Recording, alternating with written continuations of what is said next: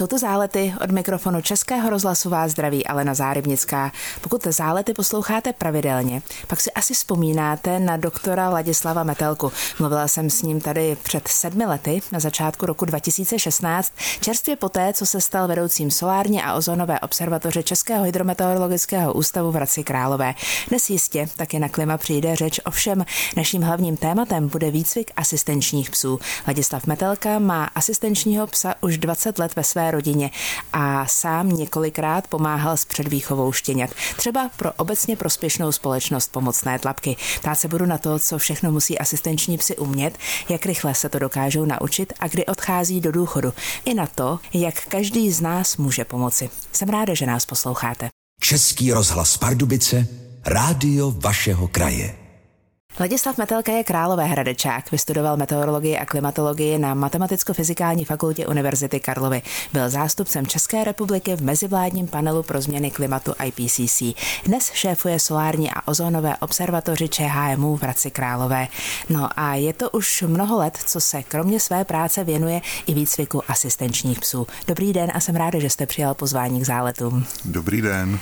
Jaké bylo vaše první, úplně první setkání s asistenčními psy? No, to bylo v podstatě eh, v důsledku takové jedné nepříjemné události, kdy moje přítelkyně po operaci skončila na vozíku a my jsme už předtím nějak se zajímali o psy, chtěli jsme si pořídit psa, nejlíp labradora, ale po téhle eh, věci už jsme tak nějak mysleli, že prostě ten náš sen o psovi je definitivně pryč, ale po nějakém krátkém čase jsme viděli v televizi film, kde ukazovali, jak ve Spojených státech eh, psy pomáhají vozíčkářům, asistenční psy, tak jsme se začali pídit po tom, jestli je u nás někdo necvičí taky. A narazili jsme na společnost pomocné tlapky, která v té době, to bylo na jaře 2001, začínala vlastně s výcvikem asistenčních psů, tak jsme je skontaktovali, slovo dalo slovo,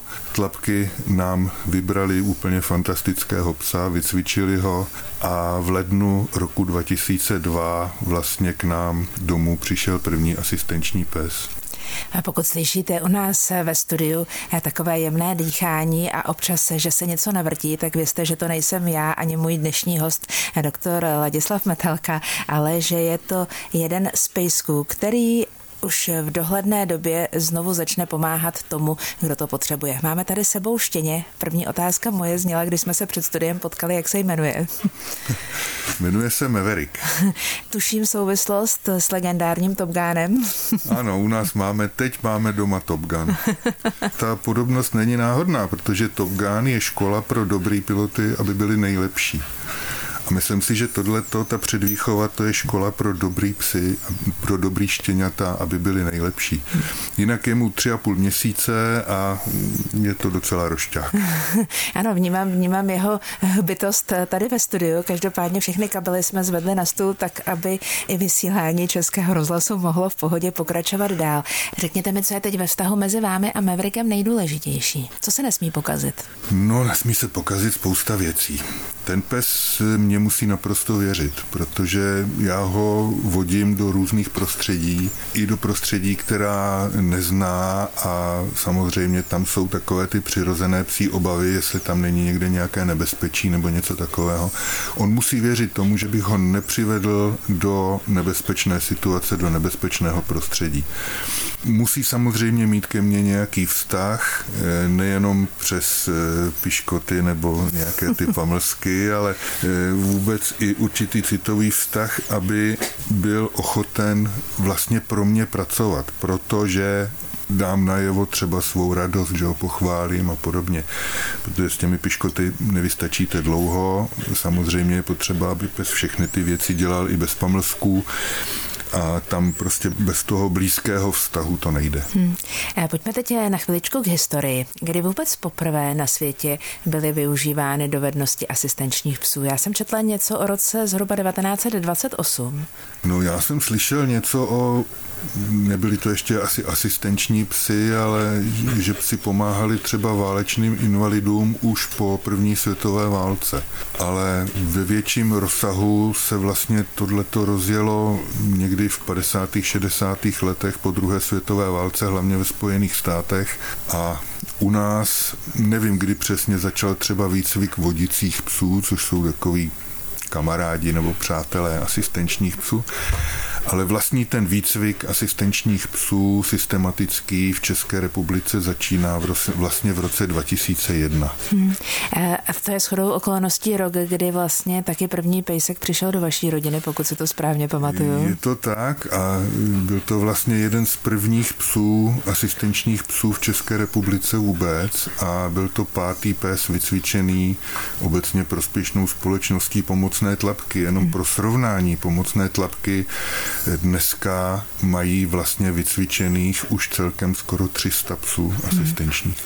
V záletech dnes se mluvím s doktorem Ladislavem Metelkou a spolu s námi je tu taky pejsek v předvýchově, jmenuje se Maverick. S Ladislavem Metelkou si dnes povídám v záletech nikoli o klimatologii, která je jeho pracovním oborem, ale hlavně o výchově asistenčních psů a jenom vás poprosím, udělejme si pořádek v terminologii. Asistenční pes, pomlčka, vodící pes, signální pes a pes pro tělesně postižené. Říkám správně ty tři kategorie obecně asistenčních psů? Tohle nemá nějak e, ustálenou terminologii, ona ta terminologie taky e, třeba v zahraničí je trošičku jiná než u nás.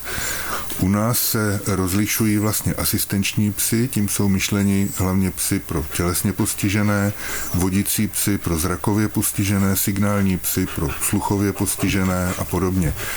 Kdežto v některých státech je vlastně ta celá skupina asistenčních psů, která se pak dělí na e, signální psy, psy pro tělesně postižené a tak dál. Takže někde prostě ti asistenční psy jsou psy jenom pro handicapované, jako třeba u nás, a někde asistenční pes je souhrné označení vlastně všech psů, kteří pomáhají. Pojďme teď po těch jednotlivých kategoriích. Co musí umět vodící pes? Tedy pes chápu správně pro zrakově postiženého. Ano, ano. Ten musí umět především spolehlivě vodit toho člověka, z pravidla tedy po známých nachozených trasách a musí hlídat různé překážky, které by mohly se tomu člověku dostat do cesty. To znamená nějaký výkop, i třeba lešení, musí hlídat i překážky ve výšce, i když on sám třeba projde pod nějakým lešením, tak musí upozornit toho člověka, že tam to lešení je, musí upozorňovat na obrubníky, na schody, musí umět najít lavičku, dveře do nějakého úřadu a podobně. Signální psy slouží eh, sluchově postiženým k přivolání pomoci anebo taky k rozpoznání přicházejícího záchvatu. Jak to dokážou? No tak eh, s tím záchvatem to nejsou úplně tedy signální psy, mm-hmm. to je zvláštní skupina skupina psů eh, pro klienty se záchvatovým onemocněním, ale ti signální psy na ně se vybírají z pravidla menší psy, takový rychlý a ten pes prostě je naučený, že po zaznění určitého zvuku, může to být zvonění telefonu, pláč dítěte, může to být cinknutí mikrovlnky a tak dál, upozorní toho svého člověka a v podstatě ho odvede ke zdroji toho zvuku. Hmm. A to rozpoznání záchvatu u těch specializovaných psů? To rozpoznání záchvatu je trošku složitější věc.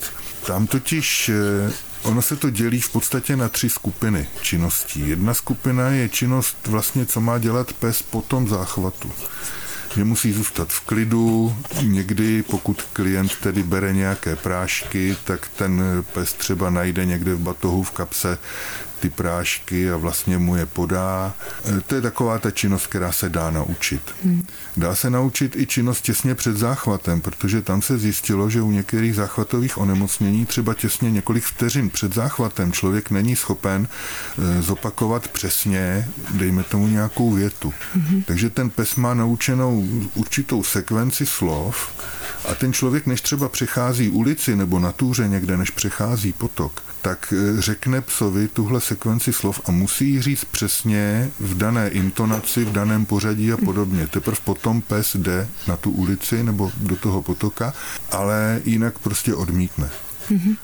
A to je v podstatě pro bezpečnost toho člověka, aby neupadl třeba někde na ulici, nebo v horším případě ještě, aby neupadl někde do potoka a neutopil se, což jsou taky případy, které se staly. Teď ještě psy protilesně postižené. Vybírají se různí psy podle míry postižení? No, u pomocných tlapek ani ne. Pomocné tlapky cvičí hlavně labradory, v trošku menší míře zlaté retrievery, a sem tam se objeví nějaký šikovný flat-coated retriever. Ono je to důležité, ten pes nesmí být příliš velký a nesmí být ani příliš malý. Moc malý pes by nic nepodal člověku a moc velký pes by zase třeba v bytě zabíral moc místa a navíc některá ta větší plemena, to jsou takový psy, kterým prostě když se probudí, tak pět minut trvá, než se trošičku dají dohromady, aby byli schopni pracovat a to by taky nebylo optimální. Ale ono se ukázalo i právě po zkušenostech v těch Spojených státech, že ty labradoři nebo obecně retrievři jsou nejvhodnější plemena tady na tu práci. Teď uvozovky. Dobře vychovaný asistenční pes má sice jako ostatní psi špičáky, ale ani ho nenapadne, že by se dali použít ke kousání. A to jsou slova mého dnešního hosta v záletech Ladislava Metelky. Spolu s ním je tu i budoucí asistenční pes Maverick. Tohle, co říkáte, nebo co jste řekl dříve, vyplývá to z nějaké špatné zkušenosti? Co si asistenční pes nikdy nesmí dovolit? No, asistenční pes si především nesmí dovolit agresi agresi vůči člověku, agresi vůči jinému zvířeti, eh, včetně koček a tak dále. To je, to je něco, co prostě toho psa de facto vyrazuje z té pozice asistenčního psa. No a jinak je spousta vlastností, které by ten pes měl mít. To znamená spolehlivost, trpělivost, lásku k lidem a té labradoři teda mají víc než dost většinou. A co bývá největším úskalím při výcviku, když se teď na ten výcvik jako takový zaměříme? Budu teď mluvit z osobní zkušenosti. Ze začátku pro mě je vždycky nejtěžší to, že se s tím pejskem úplně nedomluvím. On neslyší na jméno, když mu je těch 8 týdnů, čerstvě si ho přivezu, neslyší na jméno, nezná žádné povely a já nechci, když potřebuju mu dát obojek, tak nechci běhat po bytě a lovit ho tam jako inženýr Wagner lovil v Africe antilopy. Takže první důležitá věc je naučit ho na jméno, přivolání a sednutí. A jakmile tohle pejsek umí, tak už se s ním dá lépe pracovat. Pak samozřejmě přicházejí další a další věci, další a další povely. Tam člověk zase musí uplatnit některé své vlastnosti a schopnosti, které když má, je to dobře a když nemá, tak je v sobě musí najít. To znamená trpělivost a důslednost. Bez toho to prostě nejde, bez toho to nedopadne dobře. No on to zkouší a zkouší, až to jednou udělá dobře. A v tom okamžiku nastane veliké jásání, nastane eh, chválení psa, přijdou nějaké ty pamlsky a on si to prostě velice rychle spojí, že tohle je ta správná reakce na ten povel. A no, obecně, ale... jak dlouho trvá vlastně ta předvýchova? Všechno to, co musí pejsek umět, než jde do té výchovy klasické? Předvýchova trvá 10 měsíců, vlastně je to období od 8 týdnů života toho štěněte do jednoho roku a na jednom roce potom odchází do, už do výcviku, kde ho cvičí profesionální cvičitelé a ten profesionální výcvik, ten vlastní asistenční výcvik, ten trvá od půl roku do tak tři čtvrtě roku, v některých případech možná rok. Hmm. Jak dlouho si na sebe klient s pejskem zvykají? Četla jsem, že se tomu říká párování, tak eh, jak dlouho to párování trvá, než pejsek začne plnohodnotně eh, pomáhat? Takhle, plnohodnotně by měl pomáhat vlastně od začátku, pokud jde o ty asistenční věci, ale tady jde o to, že pejsek si musí zvyknout na ten denní režim, na prostředí, nachodit si nějaké trasy, zžít se trošičku Eh, s tím klientem a tohle zžívání to trvá eh, třeba půl roku. Stalo se někdy, že si pán s pejskem nesedli? Že to zkrátka nedopadlo? To je jejich společné další soužití? Upřímně řečeno, u pomocných tlapek nevím, že by se takovýhle případ stal, protože eh, tam se samozřejmě ještě před tím předáním psa se zkouší, ještě musí klient přijet na minimálně na jednu návštěvu seznamovací. A tam se zjišťuje, jestli si padnou ten klient a pejsek do oka, jestli takzvaně přeskočí jiskra Většinou je to rovnou celý ohňostroj. Takže případné nějaké nesympatie, ty by se dali, dali už zjistit v téhleté fázi, to znamená včas a pro toho klienta by se třeba vybíral jiný pes. Hmm. Tady u nás ve studiu už Jiskra přeskočila, já mám Maverika teď u svých nohou a jsme v velmi důvěrném a přátelském kontaktu. To jenom, abyste naši milí posluchači věděli, že spolu se mnou ve studiu je tady nejenom Ladislav Metelka, který se stará o předvýchovu asistenčních psů a taky jeho čerstvý adept na budoucí eh, pomoc tedy těm, kteří to budou potřebovat. Posloucháte zálety. Český rozhlas Pardubice Rádio vašeho kraje. S Ladislavem Metelkou si dnes v záletech povídám o výcviku asistenčních psů a taky o předvýchově. Spolu s námi ve studiu je tu i taky budoucí asistenční pes, jmenuje se Maverick. Kolik stojí výcvik asistenčního psa? Tak když do toho započítáte úplně všechno, to znamená prostředky na pořízení štěněte, veškerá veterina za ty zhruba dva roky, než jde ke klientovi, krmení, amortizace třeba i pokud jde o auta, o dopravní prostředky, výcvikové místnosti, výcvikové pomůcky. Prostě všechno, veškerý takový ten podíl na nákladech organizace přepočítaný na jednoho psa, tak to vychází asi na 300 až 350 tisíc korun.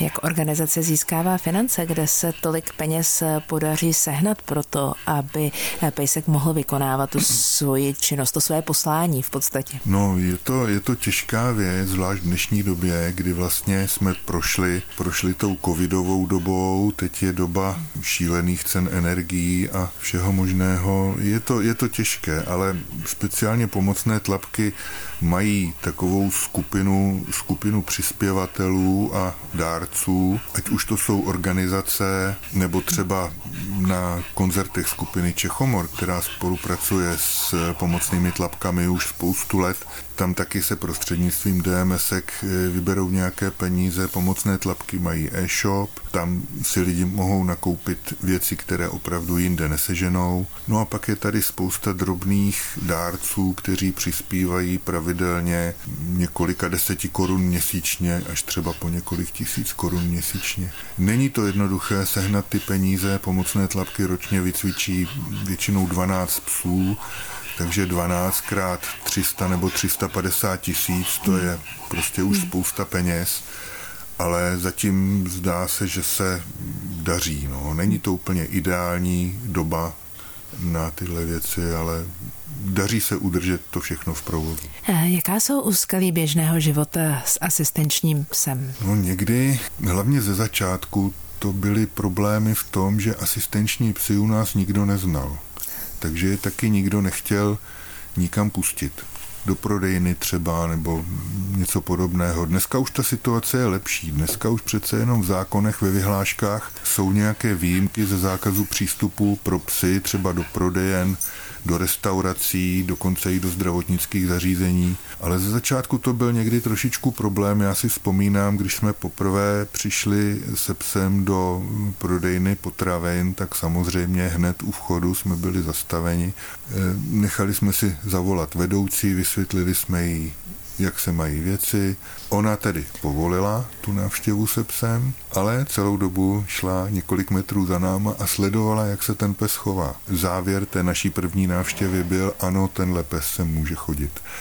A takhle vlastně to chodí, chodí všude, kde ty psy asistenční znají tak tam z pravidla už není problém. Kde je neznají, tak tam je možné na ten problém narazit. Hmm. Zálety dnes hostí Ladislava Metelku. Mluvili jsme teď o výcviku a předvýchově asistenčních psů. Ladislav Metelka je ale svojí profesí klimatolog a taky spoluautor knihy Klimatické změny Fakta bez mýtu, kterou s doktorem Radimem Tolešem napsali tuším v roce 2009. Co byste doplnil po 13 letech? Upřímně řečeno, moc by toho asi nebylo.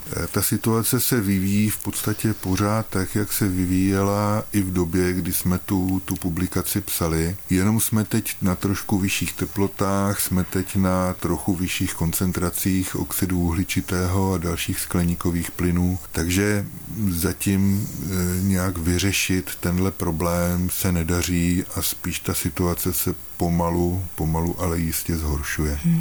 Odbočili jsme, anebo neodbočili od toho, co se tehdy predikovalo? v realitě?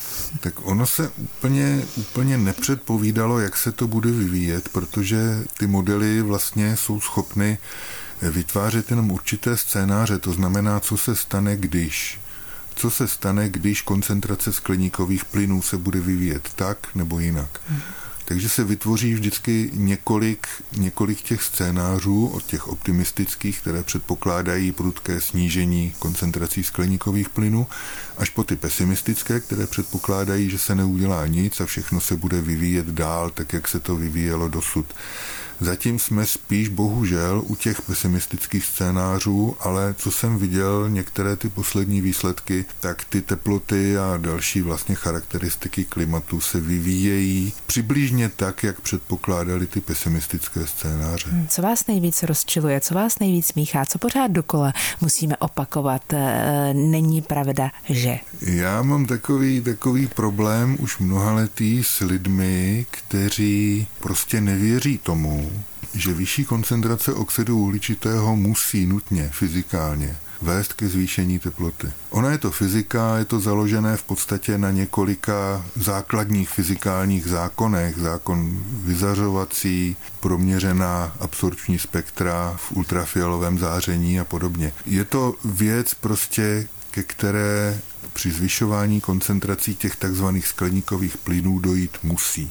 Přesto jsou lidi, kteří tvrdí, že oxid uhličitý na klima žádný vliv nemá. Jo, je to, je to těžké pochopit, že i v dnešní době jsou lidé, kteří si to myslí, ale bohužel je to tak proč bychom se měli zabývat klimatickou změnou. Teď myslím, proč bychom měli vnímat slova vědců, slova klimatologů. Já se omlouvám za tu naivní otázku, ale chci ji položit právě proto, aby ta odpověď zazněla z vašich úst. No, chceme, chceme udržet planetu v obyvatelném stavu, nejenom pro nás, ale vlastně ve stavu, kdy budou moci existovat různé ekosystémy. Není to nic, co by mělo snahu nějak zafixovat pod nebí na Zemi. To nikdy nebylo, podnebí se vždycky měnilo, ale zpravidla se měnilo postupně a ty systémy se dokázaly adaptovat, dokázaly se přizpůsobit. Ale bohužel teď se dostáváme někam, kde tu schopnost adaptace už překračujeme v těch změnách. Ty systémy různé, ať už to jsou druhy, živočišné druhy nebo cokoliv jiného, se nedokáže dobře adaptovat v některých oblastech na některé změny a začnou prostě vymírat. To je ta věc, kterou bych jak si rád tady zdůraznil, že nejde o to, aby to klima bylo pořád stejné. Jde o to, aby se neměnilo zbytečně rychle lidskou činností. Ladislav Metelka, klimatolog, posloucháte zálety. Český rozhlas Pardubice, rádio vašeho kraje. V záletech dnes mluvíme nejenom o výcviku asistenčních psů, ale v posledním bloku jsme mluvili taky o klimatu. Mým hostem je klimatolog dr. Ladislav Metelka, který se zabývá ve svém volném čase před výchovou eh, asistenčních psů. Eh, kdyby se někdo z nás chtěl zapojit do jakékoliv formy pomoci, třeba do výcviku samotného, co pro to má udělat? Tak pokud jde třeba o tu předvýchovu, tak tam bych doporučoval, pokud se člověk tedy na to cítí, skontaktovat samozřejmě pomocné tlapky. Kontakt je na webových stránkách pomocných tlapek. Případný předvychovatel musí počítat s tím, že si ho tlapky pozvou na jeden, minimálně jeden takzvaný sled štěňat. To jsou akce, které se konají čtyřikrát do roka, vždycky jednou za tři měsíce, kdy se sjedou štěňata v předvýchově cvičitelé si je kontrolují, co všechno umí, jak to dělají a podobně a dají tomu předvychovateli rady, doporučení, co třeba změnit, kde přidat, kde ubrat a podobně. Takže tohle všechno by měl ten budoucí předvychovatel vidět dostane samozřejmě k tomu i výklad, co se testuje, proč se to testuje a tak dále. A seznámí se i s některými těmi štěňaty. Je to vždycky parádní akce, protože když se tam sejde třeba osm takových meveriků, tak je opravdu veselo. A potom vlastně eh, už jenom ten člověk, pokud ho tedy pomocné tlapky schválí, tak čeká na štěně, až se narodí, až mu bude těch 8 týdnů, až bude vybráno eh, z toho vrhu a pak může vlastně zkusit svou první předvýchovu. Na závěr nesmí chybět eh, tradičně štafeta otázek. Minulý týden tu se mnou byla odivní výtvarnice Ilona Donátová. Tak na co bych se vás zeptala? Abyste nám pověděl nějaký příběh vaší psí lásky který vás nejvíce, nejvíce zasáhl, kdy ten pes nejvíc pomohl člověku? No na těch příběhů, příběhů je spousta. Vlastně každý klient má nějaký takový příběh, kdy mu ten pes pomohl v nějaké krizové situaci, ale já když jenom si vzpomínám na náš život s asistenčním psem, tak se stalo, že přítelkyně doma byla sama, eh, spadla z gauče mezi gauč a poměrně těžký konferenční stolek a nemohla se dostat ven, ani se posadit, ani se nějak dostat třeba k vozíku mechanickému, který tam měla kousek. No a to jsme měli právě Bena a on přišel sám na řešení. On přišel k přítelkyni, vrazil jí nekompromisně hlavu do podpaží a nadlehčoval jí a tahal jí prostě tímhle způsobem, až ji dotáhl k tomu mechanickému vozíku, na který ona už potom se dostala. Jo, takže to jsou někdy, někdy i věci, které prostě člověk vůbec nečeká a kolikrát to jsou věci, na které vlastně ten pes ani nebyl cvičen. Ten pes musí vycítit, musí poznat, jak pomoct, i když na to nebyl, nebyl cvičen. Ale jinak takové ty drobné příběhy, že třeba kluk s těžkou nevylečitelnou nemocí, kterému občas padala hlava dopředu, takže eh, by se mohl i třeba začít dusit, tak ten pejsek jeho byl vycvičen na to, aby když se tohle stane, tak prostě vyskočí a čumákem mu tu bradu zvedne zpátky na opěrku toho vozíku a vlastně tím mu denně de facto zachraňuje život tomu klukovi. Opravdu jsou to takové drobné, drobné příběhy, které se dějí, ale dějí se každý den a dějí se po celé republice, hmm. které jsou spojeny tedy s asistenčními psy. Tolik tedy o těch asistenčních psech. Teď jeden sportovní silný příběh. Příští týden tu se mnou bude ultracyklista a taky novinář a, a spisovatel eh, Dan Polman. Vaše otázka pro něj. Když takhle jezdíte na ty extrémně, aspoň pro mě tedy extrémně dlouhé, dlouhé trasy. Po kolika kilometrech tak míváte první krizi? Protože já bych tu krizi měl, to bych byl ještě na dohled od startu určitě. Ráda budu tlumočit, už příští týden budu v záletech mluvit s Danielem Polmanem. Mé dnešní a opravdické a hodně hluboké díky. Dnes patří za to, co v životě dělá nejenom pro klimatologii, která je jeho oborem, ale také pro výcvik a předvýchovu asistenčních psů. Můj dnešní host Ladislav Metelka. Trošku jsme poradili i, jak se možná do výcviku zapojit, jak možná pomocným tlapkám pomoci, protože je to pro ty silné životní příběhy těch, kteří to potřebují, velmi důležité. Tak Láďo, díky za to, co děláte. Není zač. Já to dělám hlavně proto, že mám pomocným tlapkám co vrát vracet. Díky za dnešní rozhovor v Záletech. Jsem ráda, že jste nás poslouchali. Naschledanou. A krásnou neděli vám všem. Tento pořad si můžete znovu poslechnout v našem audioarchivu na webu pardubice.rozhlas.cz.